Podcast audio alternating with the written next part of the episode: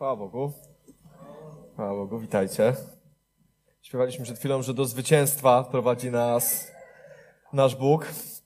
Taka piękna pieśń, optymistyczna, pełna radości, jakby od razu mówiąca nam, nie pozostawiająca żadnego, żadnych wątpliwości, dokąd zmierzamy i gdzie nas Pan Bóg prowadzi. Ja w to głęboko wierzę, że właśnie do zwycięstwa.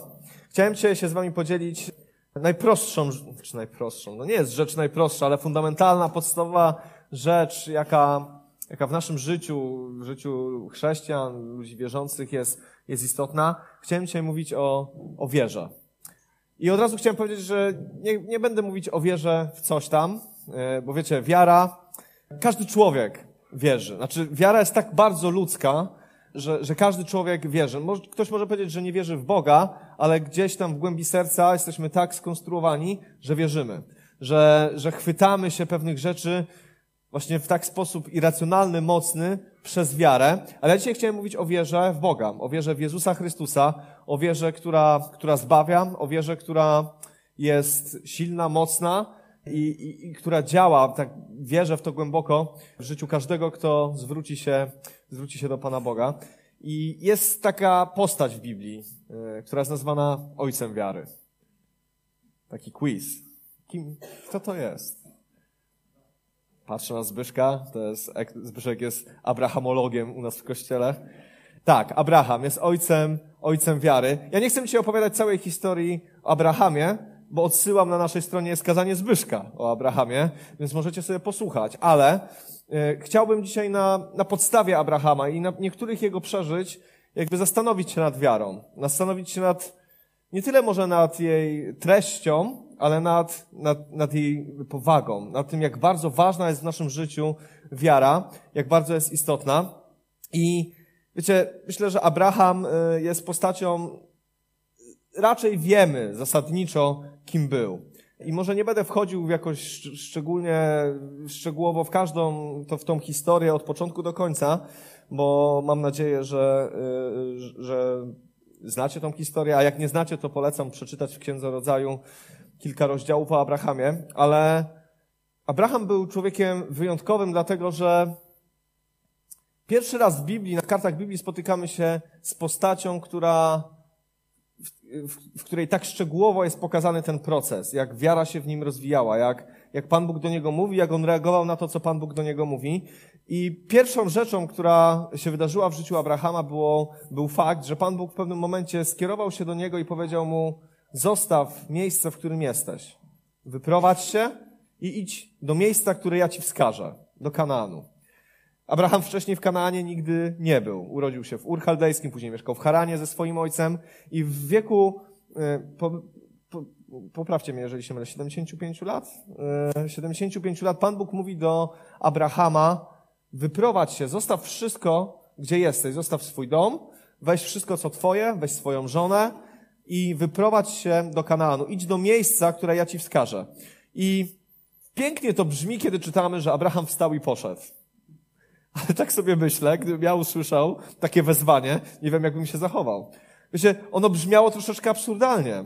Ja nie wiem, w jaki sposób Pan Bóg mu się objawił. Może w taki sposób, że Abrahamowi, Abrahamowi wszystkie te włosy na głowie e, stanęły, może miał jakieś, nie wiem, może to było jakieś potężne widzenie, może on po prostu nie był w stanie się temu oprzeć, ale w każdym bądź razie, wiecie, jak ktoś ma 75 lat, to ma ustatkowane, poukładane życie. Wszystko było tak, jak należy. On miał, znaczy może nie wszystko, bo nie miał dzieci, ale, ale, ale był bogaty, miał wszystko, mieszkał sobie w tym Haranie, i w wieku 75 lat Pan Bóg do niego mówi, a teraz zostaw wszystko i wyprowadź się do Kanaanu. I Abraham posłuchał. Abraham posłuchał. Abraham poszedł tam, gdzie Pan Bóg mu kazał. I to był pierwszy moment, kiedy Pan Bóg do niego powiedział, ale Abraham zareagował. Abraham chwycił przez wiarę pewne rzeczy. A później, kiedy już był w tym Kanaanie, to wcale wszystko nie układało się idealnie. To wcale nie było tak, że nagle zaczęły się spełniać wszystkie obietnice, które Pan Bóg mu złożył. Bo przypominam, Pan Bóg mu powiedział, idź do Kanaanu, ja cię tam rozmnożę i uczynię z ciebie wielki naród. Poszedł do Kanaanu, ale niewiele się działo. Krążył po tym Kanaanie, raz był pod Hebronem, później musiał uciekać e, do Egiptu, bo był głód, później musiał wrócić, później musiał uciekać do Abimeleka, króla Filistyńczyków. Wiecie, nie wszystko układało się tak, jak powinno być. W międzyczasie rozstał się ze swoim bratankiem Lotem, który wyprowadził się do Sodomy. Nie wszystko było perfekcyjnie, jednak przez 25 lat on oczekiwał na spełnienie Bożej obietnicy. I list do Rzymian, czwarty rozdział, 18-21, czytamy tak. Abraham wbrew beznadziei, mając nadzieję, uwierzył, aby stać się ojcem wielu narodów. Zgodnie z zapowiedzią, takie będzie twoje nasienie. I nie cofnął się w wierze, choć miał świadomość, że jego ciało, jako około stuletniego mężczyzny, jest już martwe. Podobnie jak martwe jest łono Sary. Nie zwątpił on w niewierze w obietnicę Boga. Przeciwnie, wzmocniony wiarą, oddał chwałę Bogu. Był przy tym w pełni przekonany, że to, co Bóg obiecał, ma moc również spełnić. Wiecie, jak gdzieś szukam w Biblii definicji wiary, definicji wiary, czym wiara tak naprawdę jest, wiara w Boga, to jest to ostatnie zdanie z tego fragmentu, które przeczytałem. Był w pełni, był w pełni przekonany, że to, co Bóg obiecał, ma moc również spełnić. Czy wiara jest czymś logicznym? Czymś, co możemy poukładać i powiedzieć 2 plus 2 równa się 4? Nie, bo gdyby Abraham kierował się logiką, to zostałby w tym haranie. Zostałby w tym haranie dla swojej wygody, e, dla swojego komfortu. Zostałby w haranie, gdyby kierował się logiką. Ale on był w pełni przekonany, w pełni przekonany, w sposób irracjonalny, ponadnaturalny, że to, co Pan Bóg obiecał, ma moc również spełnić. Bo wiecie, prawdziwa wiara jest sensowna wtedy, kiedy lokujemy ją we właściwym miejscu. W pewnym miejscu. Taka wiara ma moc w naszym życiu. Wiara w różne rzeczy, które ten świat nam oferuje, może być czymś, co nas pcha przez jakiś czas do przodu, ale później się okazuje, że w to, w czym pokładaliśmy nadzieję i ufność, wcale nie jest takie pewne. Nie jest takie niezachwiane, bo coś się kończy. Ludzie wierzą w pieniądze, ale czasami pieniądze się kończą. Albo one tak naprawdę nie dają spełnienia. Ludzie wierzą w to, że jak zdobędą władzę, to w końcu będą mogli się realizować, robić pewne rzeczy, a później się okazuje, że wcale ta władza nie daje im tego, czego oczekiwali. Wiecie, ale kiedy, e, kiedy swoją wiarę umiejscawiamy w dobrym miejscu, w dobrym miejscu, w Bogu, to, to wtedy mamy pewność, że to, co on obiecał, się spełni. I Abraham miał właśnie taką wiarę. Posłuchajmy, że to była wbrew beznadziei, mając nadzieję, uwierzył. Ta wiara była w pewnym sensie absurdalna, na jakimś poziomie absurdu, na jakimś takim poziomie nierealności, bo wbrew beznadziei ciągle miał nadzieję, że to, co Pan Bóg powiedział, jest prawdą. 75-latek dostaje słowo, że zostanie ojcem wielu narodów, do tego potrzeba dzieci. Nie ma dzieci. Po 25 latach ciągle nie ma dzieci, ma już 100 lat. I moglibyśmy powiedzieć, że skoro miał wiarę, to tak naprawdę już po roku, dwóch, może trzech, no ile można czekać? No ile można mieć wiarę? Już powinno się coś wydarzyć, ale nic się nie wydarzyło. Musiał nastąpić szereg różnych rzeczy. I w czasie tych 25 lat Pan Bóg niejednokrotnie mu się objawiał i mówił, wyjdź na pole, zobacz, spójrz na gwiazdy, zobacz ile tam jest gwiazd. Pan Bóg wielokrotnie mu mówił, że naprawdę cię rozmnożę, a ciągle nic się nie działo. Pan Bóg przychodził, mówił, będzie dobrze i ciągle nic się nie działo. Ile czasu modlimy się o niektóre rzeczy? Czy są tu osoby, które modlą się o coś 25 lat? 25 lat czekał na spełnienie się Bożej obietnicy. Ja wiem, że ta y, historia jest ekstremalna. Ja wiem, że ta historia jest, a jeszcze do, przejdę do jeszcze bardziej ekstremalnej rzeczy, naciągnięta po prostu do granic możliwości, do granic ludzkiej, e, ludzkich możliwości, jeżeli chodzi o, o cierpliwość. 25 lat. Ale on się nie cofnął w wierze, bo on uznał, że Pan Bóg jest godny zaufania. Że skoro Pan Bóg mu coś powiedział, to to się wydarzy. I wiecie, kiedy myślę o wierze, to to jest dla mnie najbardziej istotne. Że jeżeli wiem, że jest Pan Bóg, jeżeli Go kocham, jeżeli Go poznałem, to chwytam się desperacko tego, co On powiedział. Chwytam się desperacko tego, co On powiedział, dlatego że muszę wtedy uznać, że On ma moc to wszystko wypełnić. I tylko taka wiara, taka wiara Abrahama, wiara Abrahama daje nam dostęp do prawdziwego Boga, dostęp do Boga. Wiara irracjonalna, wiara y, przekraczająca jakąś ludzką logikę, dlatego że ta historia taka właśnie jest. Historia Abrahama jest historią naprawdę na logikę dziwną. Ale wiecie, sam fakt, że w wieku stu lat urodził mu się syn Izaak, e, to jeszcze może pół biedy, że Abrahamowi, ale jego żona, która miała prawie 100 lat, urodziła syna e, Izaaka. Pan Bóg spełnił swoją obietnicę, to się wypełniło i moglibyśmy powiedzieć, że Abraham jest już spełnionym człowiekiem. Okej, okay, długo czekał, zaryzykował, no, zrobił ten krok wiary, wyszedł z tego Haranu, poszedł do Kanaanu. 25 lat to trwało, wiele rzeczy musiał jeszcze przeżyć, ale w końcu, po 25 latach, rodzi mu się syn obietnicy. I moglibyśmy powiedzieć, że stać, zaklaskać, powiedzieć, brawo Abraham, dałeś radę. Do końca cierpliwie czekałeś, wszystko było dobrze i myślę, że my jako ludzie już dalibyśmy Abrahamowi spokój. Czy nie? Czy dalej byśmy jeszcze, jeszcze go, przepraszam za to słowo, ale jeszcze go cisnęli? Po 25 latach urodził mu się syn i Pan Bóg mógłby powiedzieć, no jestem dumny z Abrahama, koniec, kropka. Zajmuję się kimś innym. Poczekamy, aż Izaak dorośnie, teraz Izaakiem się zajmę. Ale, ale historia Abrahama nie kończy się w tym momencie, wręcz przeciwnie, po tym, po tym długim oczekiwaniu, po tej największej obietnicy, którą on dostał od Pana Boga, historia się nie kończy. Bo później dzieje się coś jeszcze bardziej dziwnego. Coś, nad czym się zastanawiam i, i o czym dzisiaj chciałem powiedzieć. Bo w pewnym momencie czytamy tak, w Księdze Rodzaju, 22 rozdział, pierwszy, drugi werset. Po tych wydarzeniach, czyli po urodzeniu Izaaka, Bóg wystawił Abrahama na próbę. Zwrócił się do niego. Abrahamie, on zaś odpowiedział, słucham. Może chciał usłyszeć kolejną wspaniałą Bożą obietnicę. Mówi, no dobra, jeszcze poczekam z kolejnych 30 lat. Wtedy usłyszał, weź proszę swego syna, swego jedynaka, którego tak kochasz, Izaaka, i udaj się z nim do ziemi Moria. Złóż go tam w ofierze całopalnej na jednej z gór, którą ci wskażę. I powiem wam tak, że to było zaprzeczenie zdrowego rozsądku, zaprzeczenie ojcowskiej miłości, że ta prośba Pana Boga była tak irracjonalna, że, że wszystko, co mógł Abraham wiedzieć o Panu Bogu, to ta prośba temu przeczyła. Jego miłości, Jego obietnicom. No właśnie, nawet ona przeczyła obietnicy, którą dał Pan Bóg. Ona, ona była absolutnie wbrew wszystkiemu, co Abraham mógł mieć w głowie. On usłyszał, po 25 latach niezachwianej wiary usłyszał, a teraz weź tego Izaaka, jedź do krainy Moria i złóż go w ofierze, po prostu zabij swojego syna. Jak to absurdalnie brzmi. Ale początek tego fragmentu mówi, Bóg wystawił Abrahama na próbę. Bóg wystawił Abrahama na próbę. I nie wiem, czy w waszej głowie rodzi się to pytanie, ale w mojej na pewno rodzi się to pytanie, urodziło się to pytanie. Po co to wszystko? Po co to wszystko?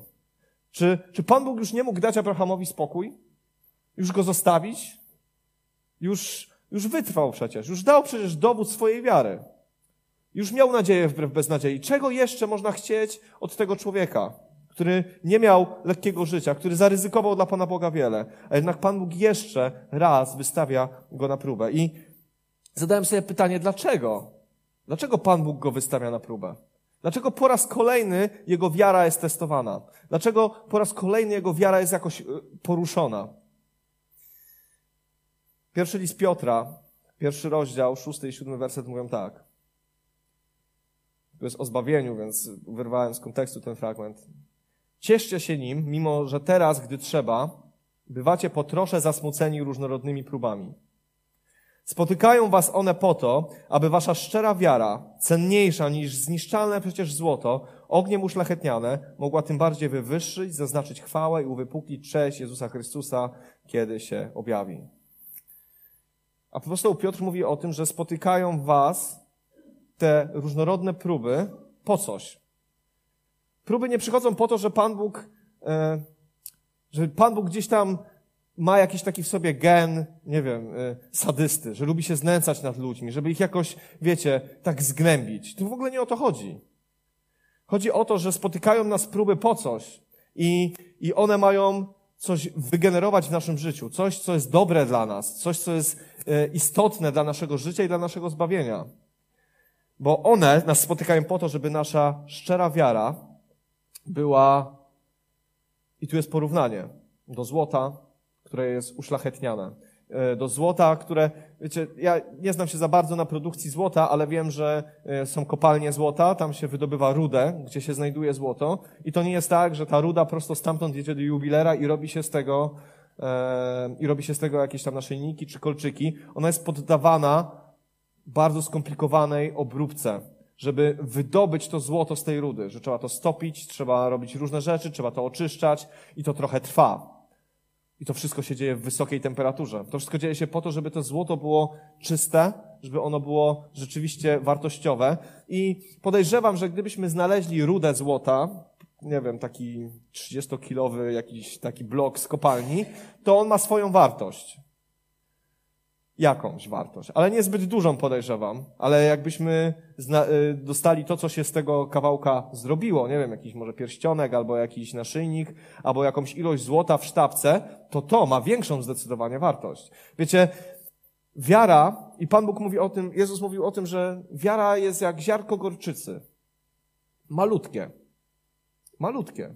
Ale mówi też o tym, że ono później rośnie i z tego ziarenka wyrasta krzew a później w tym krzewie mogą mieszkać nawet ptaki, jest podobne do drzewa, ale na początku jest malutka. Wiara jest malutka. Ta wiara malutka już wystarczy, żeby zbliżyć się do Pana Boga. Ta malutka wiara, ta krztyna naszego przekonania, naszego wołania, że jest coś więcej niż to, co materialne, to, co zwykłe i wołamy do Pana Boga, ona już wystarczy, żeby się do Niego zbliżyć. Ale to nie jest koniec naszego życia.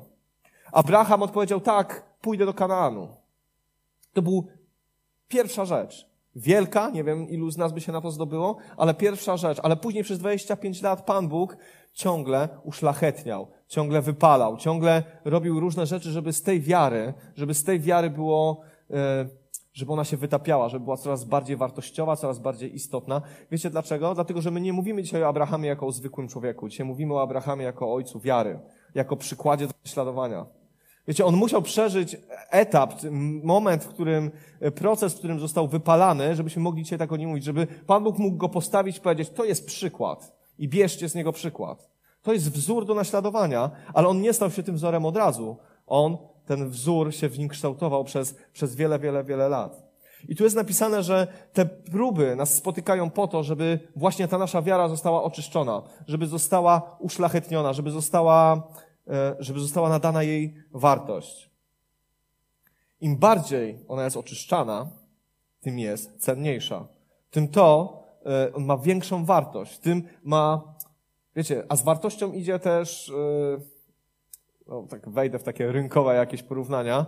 Jeżeli coś ma większą wartość, to więcej za to możesz później dostać to ona więcej znaczy na rynku. Jeżeli masz coś dobre, dobro, dobrego jakościowo, dobre jakościowo, jest na pewno droższe niż coś podobne, ale zrobione byle jak. W związku z tym, wiara, wiecie, ostatnio padło to z tego miejsca, chyba powiedział to Piotr, że wiara jest walutą Królestwa Bożego. Wiara jest walutą Królestwa Bożego, to przez wiarę otrzymujemy pewne rzeczy, przez wiarę dziedziczymy obietnice. I jeżeli ona jest uszlachetniona, jeżeli ona jest czysta, jeżeli ona jest poddana próbom, wtedy możemy odebrać od Pana Boga te obietnice, które są dla nas, bo nie wszystkie obietnice możemy odebrać taką nieoczyszczoną grudą wydobytą e, z kopalni. Ona dopiero jak zostanie poddana oczyszczeniu, dopiero możemy pewne, pewne obietnice odziedziczyć, tak jak to było w życiu Abrahama. I w ciężkich czasach, w ciężkich czasach tak jak teraz, myślę, że no, może ja nie mam za bardzo tego problemu, ale ludzie, którzy mają wielkie majątki, to się zastanawiają, co z nimi zrobić, żeby nie straciły na wartości. Chcieliby jakoś je ulokować. Wiecie, jest inflacja, jest to, jest tamto, więc szukają różnych rzeczy, które są wartościowe. Jedną z dobrych inwestycji zawsze było to, żeby kupować złoto, żeby je mieć gdzieś tam schowane, albo nieruchomości, coś, co jest trwałe. Coś, co jest trwałe, bo to nie zniknie. I wiecie, kiedy myślę sobie o wierze, kiedy myślę o tym, o tym, dlaczego pod koniec życia jeszcze Abraham dostał coś takiego. Ja nie wiem, ile on miał wtedy lat, sto coś, bo Izaak był już chodzącym dzieckiem, już rozmawiał, więc podejrzewam, że, nie wiem, Izaak mógł, Abraham mógł mieć około 110 lat, powiedzmy, coś takiego. 110-letni mężczyzna. I dlaczego go to spotkało? Bo wiara, żeby nam pokazać, wierzę w to głęboko, że wiara ma bardzo głębokie znaczenie w naszym życiu. I teraz popatrzmy jeszcze, jak Abraham się zachowywał w tej, w tej sytuacji. Dzięki wierze, to jest list do Hebrajczyków, 11 rozdział, 17-19 werset, czytamy tak. Dzięki wierze Abraham, poddawany próbie, przyniósł na ofiarę Izaaka. ofiarował jedynego, on, który otrzymał obietnicę i do którego powiedziano, twoim potomstwem będzie nazywane potomstwo Izaaka. Liczył on na to, że Bóg ma moc wskrzeszać nawet umarłych. I też z umarłych, mówiąc obrazowo, odzyskał swojego syna.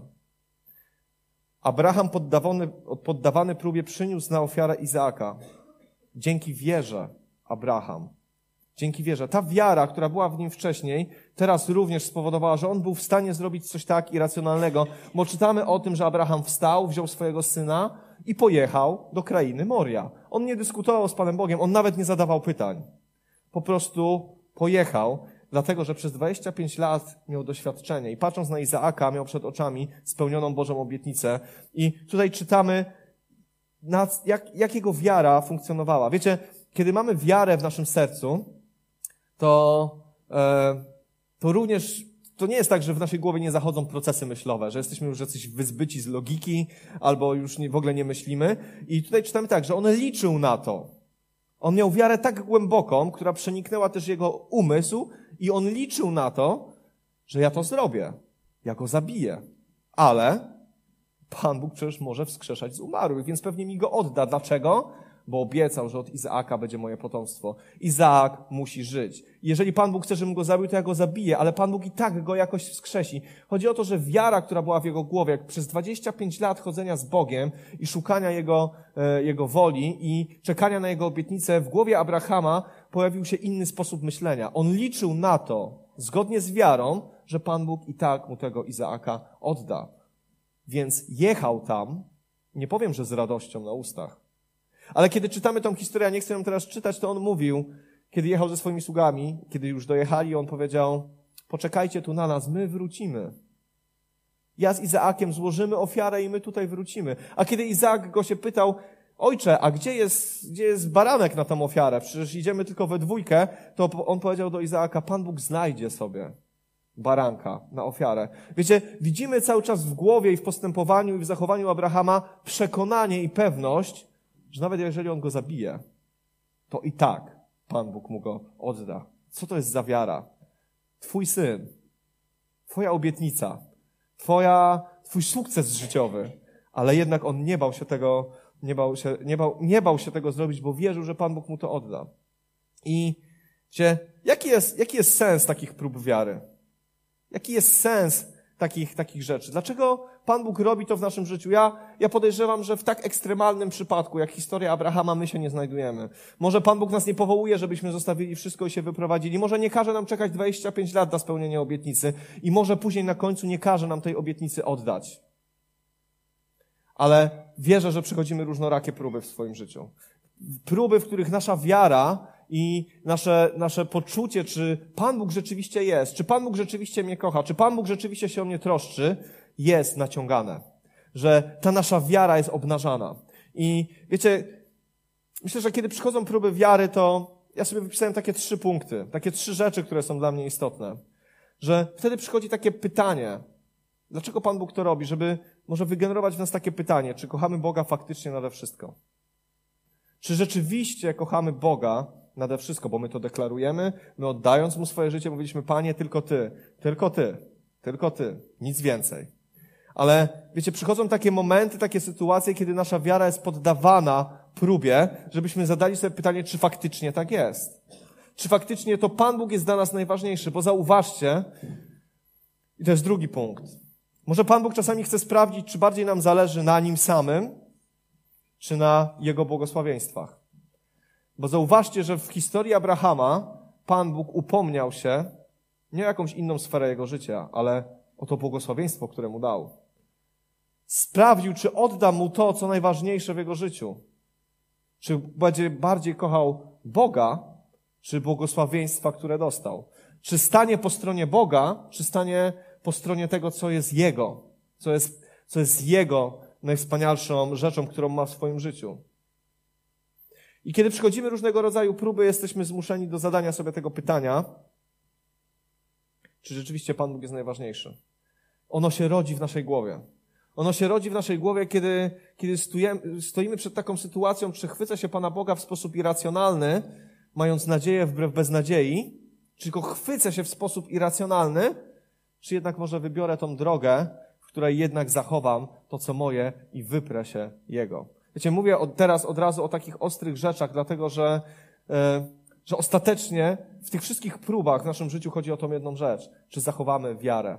Gdzie jest taka pieśń, którą często śpiewamy na pogrzebach. Nie wiem dlaczego tylko na pogrzebach, ale tam na końcu śpiewamy z wiarą w końcu dni znalezionym być.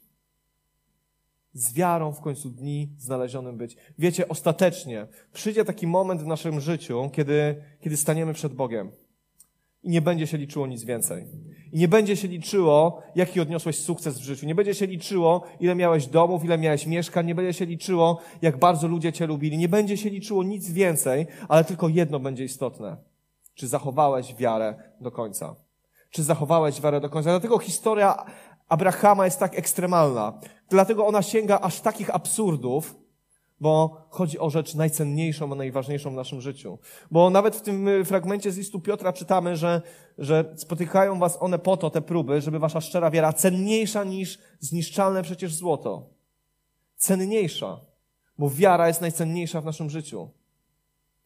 Z punktu widzenia chrześcijanina nie ma nic istotniejszego niż zachować wiarę do końca niż wytrwać do końca, niż wierzyć w Boże obietnice do końca i racjonalnie wbrew wszystkiemu, co się dzieje. Bo wiecie, możemy przegrać wszystko, jeżeli tą wiarę stracimy. Możesz przegrać absolutnie wszystko. Możesz całe życie się zmagać, ale kiedy w momencie próby, tej chwili, zawiedziesz, tracisz wszystko. Bo wiecie, zbawienie mamy z łaski przez wiarę przez wiarę, bo wierzymy, że ten, który złożył obietnicę, który daje nam zbawienie, daje nam je i my przez wiarę ją chwytamy. Chwytamy ją, bo jest to samo w sobie abstrakcyjne, że to Chrystus dwa tysiące lat temu umarł za nas na krzyżu, za Twoje grzechy, za Twoje grzechy. Musimy chwycić to przez wiarę. Nie ma na to wzoru matematycznego. Nie ma na to żadnego, yy, żadnego wykresu. Musisz chwycić to przez wiarę. Ale jeżeli różne okoliczności w naszym życiu, różne próby, które nas spotykają, które są po to, żeby ta wiara była cenniejsza coraz bardziej, coraz bardziej, żebyśmy na końcu zostali z tym, co naprawdę wartościowe. Bo wszystko inne spłonie i zostaniemy z tym, co naprawdę wartościowe. A tą rzeczą wartościową będzie nasza wiara, nasza pewność, nasze zaufanie do Bożych obietnic. Z tym zostaniemy. I wszystkie nasze marzenia gdzieś tam runą, albo się skończą, albo już nie będzie sensu, żeby się wykonywały, bo przyjdzie kres pewnych rzeczy, ale zostaniesz z tą jedną rzeczą. I to jest ważne pytanie, dlatego jak reagujemy dzisiaj na próby? Bo może się okazać, że wcale do nich nie przystępujemy. Chodziłem do szkoły, to, a są tu też nauczyciele, z reguły zapowiada się sprawdziany. I jakiś uczeń może się łudzić, że jak nie przyjdzie na sprawdzian, to go ominie. Wcale go nie ominie, bo prędzej czy później tak będzie musiał go zaliczyć w tej czy w innej formie, ale będzie musiał to zrobić. Może być przez chwilę nieprzygotowany i nie przyjść, ale prędzej czy później pod koniec semestru przyjdzie taki moment, kiedy trzeba będzie stanąć i po prostu go napisać. Albo przyjąć konsekwencje nienapisania tego. Wiecie, może się czasami zdarzać, że spotykają nas próby, które nie są po to, żeby Pan Bóg dotykał się Twojego życia, żeby Ci je obrzydzić, żeby, żeby Ci popsuć Twoje życie. Nie. Pan Bóg wie, że na końcu najważniejsze będzie to, czy zachowasz wiarę, więc On jest mądrym wychowawcą i uczy nas, i dotyka nas, i próbuje naszej wiary, i sprawia, i chce ją oczyszczać. Przychodzi z różnymi rzeczami i nas testuje. I On chce nas przeprowadzać. I On będzie nas oczyszczał, ale On chce, żeby ta wiara była coraz bardziej wartościowa w naszym życiu. A jeżeli się od tego migamy, to na ciągle będzie ziarenkiem. A ziarenko łatwo zdeptać, ziarenko przyleci ptaszek i zje ziarenko. Wiecie, ta historia o glebie jest, y, ta przypowieść Jezusa o cztero, y, czterorakiej roli jest, jest bardzo wymowna. Bo tam jest napisane, przyszedł siewca, aby siać i rzucił ziarno. I z tych czterech gleb tylko jedna tylko jedna przyniosła owoc. Ale tam były ptaszki, które wygrzebały i szybko zjadły. Tam była sucha ziemia, która co prawda szybko wzrosło, to ziarenko urosło, ale nie miało żadnych korzeni i uschło, kiedy przyszły co? Problemy. Kiedy przyszły uciski. A trzecia była taka, że padła między ciernie, między chwasty i co prawda wyrosło, ale nie wydało żadnego owocu. Czyli było bezużyteczne. Wiecie, bo nasza wiara gdzieś pada w naszym życiu i ona będzie rosnąć. I Pan Bóg chce się troszczyć o nasz wzrost. I on będzie naszą wiarę testował. Nie po to, żeby sprawdzić, halo, czy jesteś dobrym chrześcijaninem, ale po to, żeby, żeby troszczyć się, żeby ta wiara wzrastała, żeby w pewnych momentach kluczowych naszego życia, żeby ona była trwała, mocna, solidna, żebyśmy wytrwali do końca i odziedziczyli to, co jest naszą obietnicą. Więc jeżeli Pan Bóg nawet stawia przed nami próby, to nie po to, żeby się nad nami poznęcać. Nie chciał się znęcać nad Abrahamem, absolutnie. Ale chciał jeszcze raz go wy, wypróbować. Chciał jeszcze raz sprawdzić, jakie są motywacje jego serca. Komu tak naprawdę ufa? Za czym idzie? Co jest dla niego najważniejsze? Bo to jest kluczem w naszej relacji z Panem Bogiem. Czemu ufamy? Wiara sama w sobie jest czymś bezgranicznym. Kiedy mówimy, że komuś wierzymy, to jest coś więcej niż zaufanie, to jest coś więcej niż pewność, to jest takie bezgraniczne zaufanie. To jest taka totalne, totalne zaufanie komuś. Jak mówię, że wierzę ci, to znaczy, że po prostu pójdę za tym, co powiesz. Być może nie będę zadawał pytań, po prostu wierzę ci, obdarzam ci tym zaufaniem, jesteś dla mnie autorytetem, jesteś dla mnie ważny, ja po prostu wierzę w to, co mówisz. I Pan Bóg chce i nasza relacja z Bogiem oparta jest na wierze. Oparta jest na tym, że, że my będziemy Mu ufać. Ale jak inaczej Pan Bóg ma ją oczyszczać w naszym życiu? My nie lubimy prób. Ja nie lubię prób. Powiem Wam szczerze, gdybym mógł się zdecydować dzisiaj, nie przechodzić żadnych prób do końca życia i być zbawionym, to ja w to wchodzę. Nie lubię prób, nie lubię problemów, nie lubię, nie lubię jakichś rzeczy, które, wiecie, tak jak w życiu Abrahama naciągają moje, moje życie jak, jak strunę i nie wiem, kiedy ona pęknie. Nie lubię tego. Nikt z nas tego nie lubi. Ale popatrzmy na to z drugiej strony. Jeżeli to się dzieje w naszym życiu, to znaczy, że nasz dobry Ojciec, nasz kochający Bóg chce nas oczyszczać. Chce oczyszczać naszą wiarę. Chce wprowadzać nas wyżej. Chce, żeby nasza wiara wzrosła, żeby już z ziarenka pojawiły się... Co tam się pojawia y, po ziarenku? Nie wiem. Kiełki, tak, żeby się kiełki pojawiały. A później może, żeby już to wybiło do góry, żeby zakorzeniło się. Pan Bóg tego chce dla nas. Nie chce, żebyśmy byli ciągle dziećmi w wierze. Nie chce, żebyśmy ciągle byli na poziomie, o Panie Boże, daj, a jak nam nie da, to się obrażamy. Nie, Pan Bóg tego nie chce. Wiecie, zauważcie, że Abraham nie dyskutował. On tak dorósł w wierze, że kiedy Pan Bóg mu powiedział, oddaj mi swojego syna, to nawet nie czytamy, że Abraham odpowiedział. Wstał i poszedł. I nie dlatego, że był psychopatą, ale dlatego, że jego wiara była już wypróbowana. Jego wiara była już ugruntowana. On wiedział, komu ufa. On znał swojego Boga. On wiedział, że on go nie zawiedzie. Dlatego wstał i poszedł i z nim nie dyskutował, bo wiedział, że może mu zaufać. Na początku zawsze dyskutujemy. Na początku zawsze mamy mnóstwo pytań. Panie Boże, dlaczego? Co się dzieje? Jak to? Dlaczego te rzeczy mnie spotykają? Zawsze tak jest. I to jest normalne, że tak jest, bo jesteśmy ludźmi. Ale z czasem, kiedy poddajemy się Panu Bogu, kiedy próba za próbą idziemy dalej, kiedy Pan Bóg krok po kroku nas oczyszcza, to przychodzą takie momenty, że już nie mamy pytań. Że już wiemy, komu zaufaliśmy. Że już wiemy, że On stoi. Że już wiemy, że On nas nie zostawi. Że wiemy, że choćbyśmy mieli zabić swojego Syna, to wskrzesi Go z martwych Wiecie, jak ja to czytam, to mam dreszcze na plecach, dlatego że to jest taka wiara. Mój syn siedzi tutaj. I nie wyobrażam sobie w ogóle takiej, takiej historii w moim życiu dzisiaj. Ale on miał wiarę. I wiecie, ja, ja gdzieś tam w, w gruncie rzeczy tęsknię za tym bardzo mocno, żeby nasza wiara była właśnie taka że w momencie prześladowań, problemów, trosk i zmartwień, my z taką uporczywą, irracjonalną pewnością czekamy na Boże działanie. Z taką absolutną świadomością, że Pan Bóg się nie spóźni. Tęsknię za tym, żeby mieć taką pewność, że po prostu Pan Bóg zadziała, bo ja wierzę Jego Słowu. Wiecie, my tu jesteśmy dzisiaj, bo wierzymy w żywego Boga, w Boga Biblii, w Boga, który, który jest żywy, który nie jest jakąś religią, który nie jest jakimś kodeksem różnych praw i moralności, ale w żywego Boga, który działa pośród nas. I ja wierzę, że On chce, żebyśmy taką wiarę mieli. Nie wiemy, jak nam przyjdzie żyć za kilka lat, albo za kilka miesięcy. Nie wiemy, jakiej wiary będziemy potrzebowali, żeby wytrwać do końca. Żeby się nie zniechęcić, żeby nie upaść. Tym bardziej dzisiaj poddawajmy się Bożym próbom i miejmy tą ufność, to, to zaufanie do Pana Boga, że nas przeprowadzi. Jeżeli, wiecie, kiedy przyjrzymy się dobrze historii Abrahama wcześniej, to on wcześniej dyskutował z Bogiem. On mówił, Pan Bóg mówi, będziesz ojcem wielu narodów, a Abraham mówi, no tak nie bardzo, bo dziedzicem moim będzie jakiś mój sługa z Damaszku, ja nie mam przecież dzieci. Dyskutował z Panem Bogiem, zadawał mu pytania. Zadawajmy Panu Bogu pytania, kiedy przychodzimy, przechodzimy próby. Wiecie, to nie jest tak, że my od razu będziemy Abrahamem z historii o Izaaku. Nie od razu tacy będziemy. I Pan Bóg przez nas zna i od razu nie da nam takich prób do przejścia. Bo On wie, ile w stanie jesteśmy dźwignąć. Bo On chce nas ratować i wzmacniać, a nie niszczyć. Pan Bóg nie chce cię zniszczyć. Nigdy nie chce cię zniszczyć. Chce ci dać życie. A że działa przez próby? Czytamy ewidentnie, że Pan Bóg wystawił Abrahama na próbę. Pan Bóg wystawił go na próbę. To zainicjował Pan Bóg. To była Boża robota. To Pan Bóg zrobił. Dzieje się tak również w naszym życiu.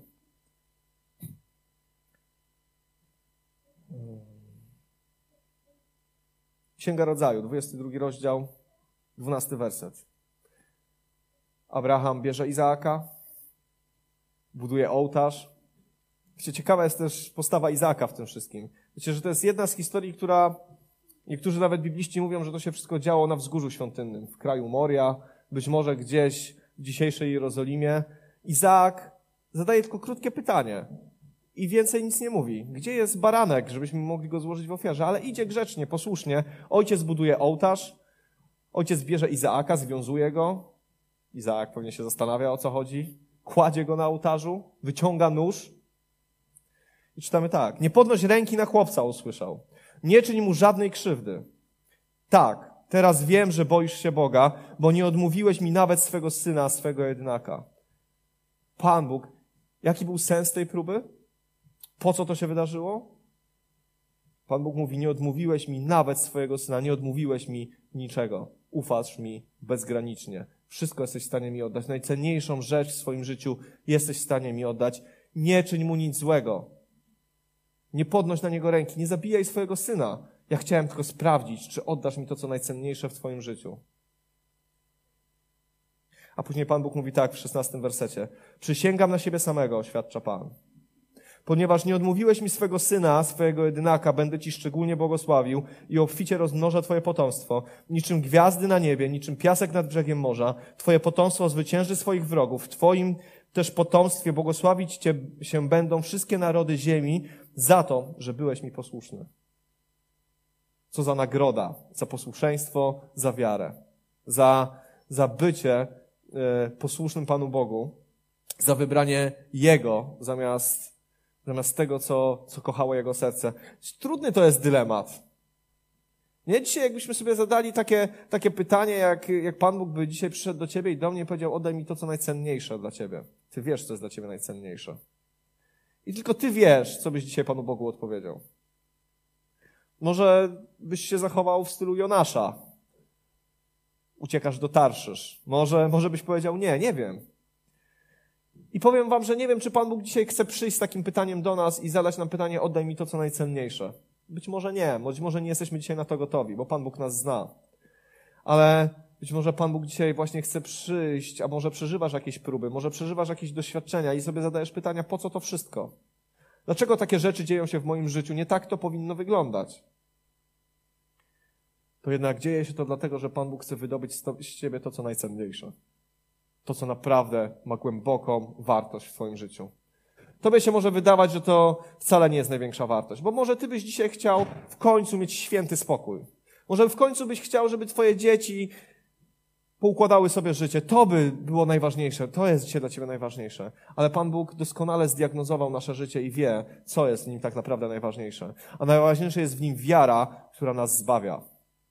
Wiara w Chrystusa, która nas zbawia. Bo to jest najważniejsza rzecz, którą masz w życiu.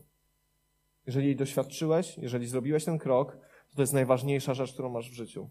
I Pan Bóg będzie się troszczył w naszym życiu o to, co najważniejsze. I będzie wydobywał to, co najważniejsze. Nagroda, którą otrzymał Abraham jest wielka. Wiecie, dzisiaj nie tylko chrześcijanie, ja wiem, że ale wiele, wiele różnych religii, kiedy czyta historię Abrahama, już nie mówię chociażby muzułmanie, wiele różnych jakichś y, y, kultów. I wiecie, to, to, co zrobił Abraham, jest, jest niesamowite.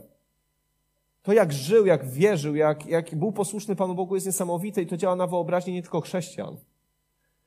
Ale ja wierzę, że ta historia jest zapisana w Biblii po to, żeby, żeby nam coś uświadomić, żeby nam coś pokazać, żeby pokazać nam, że, że Pan Bóg tego, czego od nas chce, tego, czego od nas pragnie, to, co dla Niego jest najcenniejsze, to to, żebyśmy Mu ufali właśnie w ten sposób. Żeby to był wzór, do którego zmierzamy, do którego dążymy, że, że Pan Bóg jest największą wartością w naszym życiu. Że oprócz tego, że to deklarujemy śpiewając, żeby w naszym życiu codziennym, w tym praktycznym, żeby On był najważniejszy.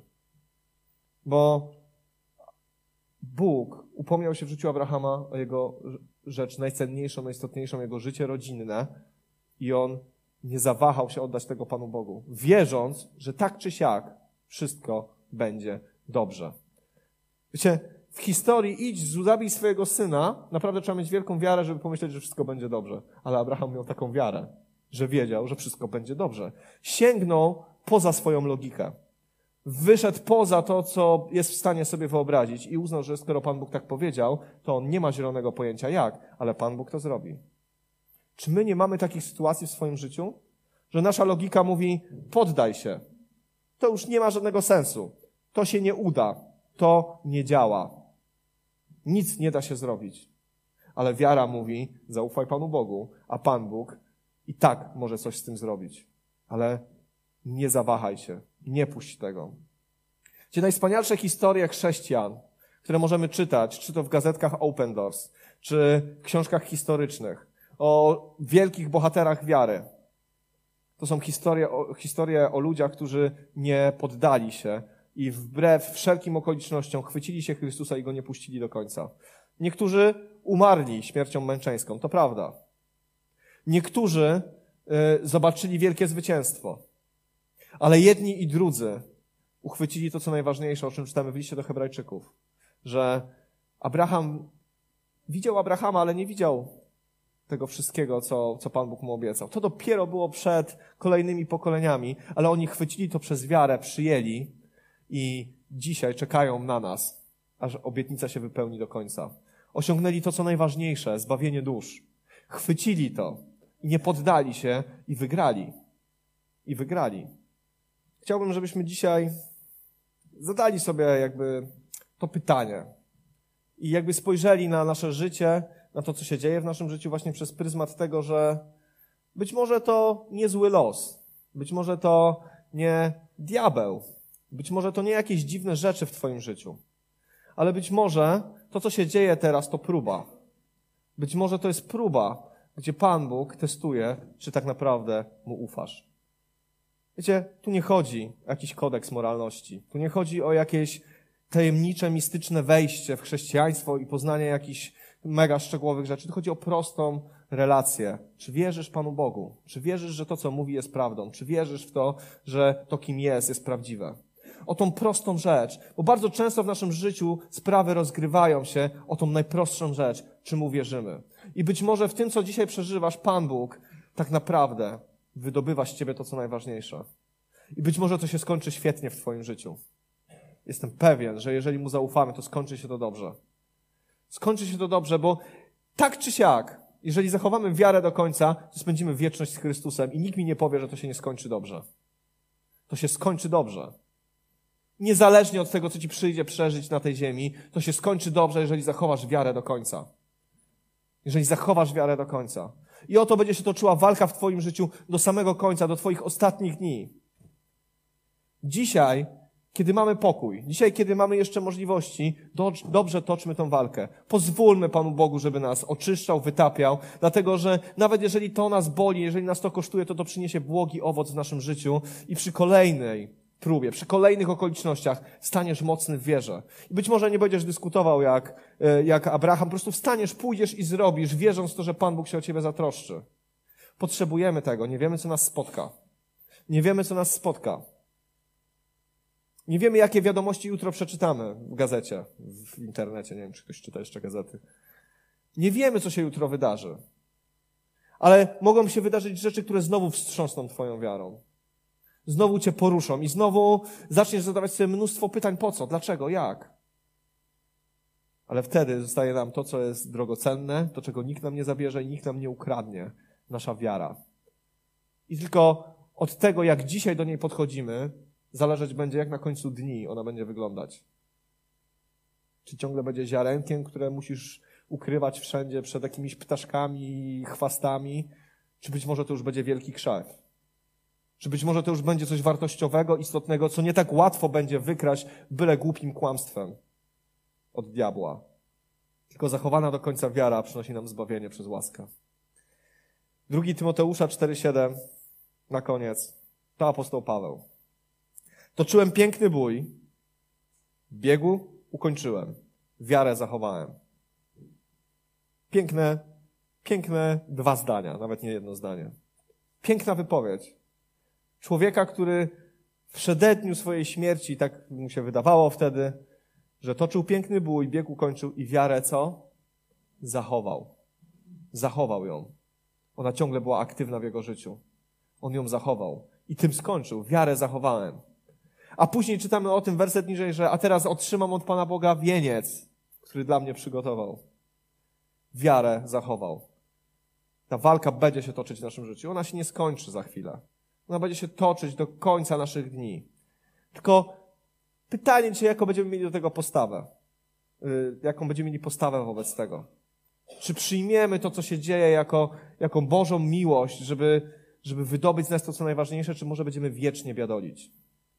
Ja wierzę w to, że Pan Bóg nas kocha, że Pan Bóg się o nas troszczy i nie daje nam więcej, niż jesteśmy w stanie znieść. Testuje naszą wiarę, bo wie, że ona jest najcenniejsza. Wie, że to ta wiara właśnie nas przeniesie przez najtrudniejsze rzeczy naszego życia. Nie gardźmy dzisiaj tymi rzeczami, które Pan Bóg robi w naszym życiu. Wręcz przeciwnie, umocnijmy się, żebyśmy mogli, tak jak Paweł kiedyś powiedzieć, wiarę zachowałem. Bieg dokończyłem. Wiarę zachowałem. Powstańmy, pomódlmy się. Panie, dziękujemy Ci za to, że Ty jesteś z nami. Dziękujemy Ci za wspaniałe historie w Twoim słowie, Panie. Za to, że byli tacy ludzie jak Abraham, Panie. Byli tacy ludzie, Boże, którzy naprawdę Tobie zaufali i poszli, Boże, w nieznane, ale krok po kroku, Panie, Ty budowałeś ich wiarę, Ty ich wzmacniałeś, Ty, Boże, Ty, Ty, Ty pokazywałeś im, jaki jesteś, Boże, Ty im objawiałeś im u siebie, dzięki czemu on mógł pójść dalej, Panie, i do końca wierzyć w to, Panie, że chociaż powiedziałeś mu coś tak absurdalnego, coś tak trudnego, coś tak ciężkiego, to jednak on chwycił to, Panie, i wiedział, że jesteś miłością, że jesteś dobry i że to się wszystko dobrze skończy, Panie. Dziękujemy Ci za to, że chcesz nas takiej wiary uczyć, Panie. Że chcesz, Panie, taką wiarę wydobywać z naszego życia, że chcesz, Panie, żeby taka wiara, Panie, była, Panie, częścią naszej codzienności. Wiara, Panie, i pewność w to, co Ty mówisz, Panie. Niezachwiana ufność w to, kim jesteś, Boże, i jaki jesteś, Panie. Świadomość tego, że nas nigdy nie zostawisz, Panie, i że do końca będziesz się o nas troszczył, Panie. My takiej wiary dzisiaj potrzebujemy, Panie. My, Panie, o taką wiarę się modlimy, Panie, ale wiem, że ona będzie wydobywać się, Panie, poprzez różnego rodzaju próby w naszym życiu. Potrzebujemy, Panie, dzisiaj Twojej łaski, Panie. Potrzebujemy dzisiaj, Panie, tego, żebyś Ty, Duchu Święty, pokazywał nam, w jakim miejscu jesteśmy i co się dzieje. Żebyśmy potrafili dobrze, Panie, zdiagnozować sytuację, w której jesteśmy, Panie. Czy to jest próba, Panie, żeby nasza wiara, Panie, się wzmocniła. Czy to może są jakieś diabelskie ataki, ale żebyśmy mieli, Panie, Twoje objawienie, Boże. Żebyśmy mieli Twoje objawienie, Panie, gdzie jesteśmy, Panie. Dziękuję Ci za to, że nas kochasz. Dziękuję Ci, że każdy, kto oddał Tobie swoje życie, Panie, jest bezpieczny i ukryty w Tobie, Panie. Ale proszę Cię o to, Panie, żebyśmy nie gardzili, Panie, próbami, które przechodzimy, Panie. Żebyśmy przed nimi nie uciekali, ale żebyśmy stanęli, Panie, w zaufaniu do Ciebie, Panie, i zobaczyli Twoją chwałę, Panie, i zobaczyli Twoją moc, i zobaczyli, Panie, w to, że Ty się nie spóźniasz, Panie, że Ty się nie spóźniasz, Panie, że Ty nie zawodzisz. Wierzymy w to, że Ty taki jesteś, Panie. Chwytamy się tego, potrzebujemy Ciebie, Boże. Potrzebujemy Ciebie, Duchu Święty, Panie. Potrzebujemy Ciebie, Boże.